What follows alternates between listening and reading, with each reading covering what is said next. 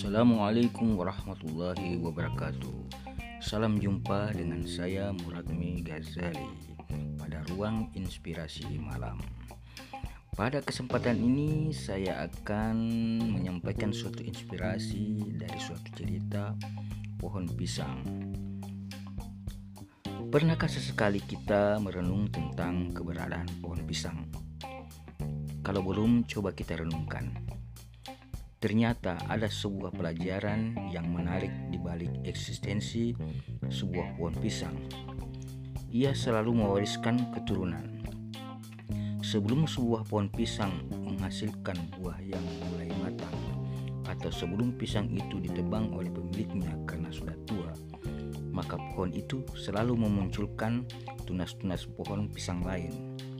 Kita tahu pohon pisang termasuk tumbuhan yang unik ia hanya menghasilkan buah sekali saja. Kalau buahnya sudah diambil, otomatis pohon itu akan mati. Ternyata, sebelum pohon itu mati, ia sudah mempersiapkan generasi penerus.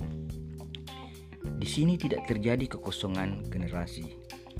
Istilahnya lost generation tidak dikenal dalam kehidupan pisang. Seakan-akan ia berpesan untuk terus memberi manfaat tanpa mengenal waktu dan kondisi.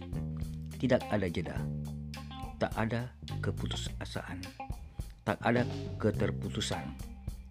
Semestinya hidup kita seperti pohon pisang itu, selalu ada untuk kepuasan dan kebahagiaan demi kebahagiaan orang lain. Subhanallah.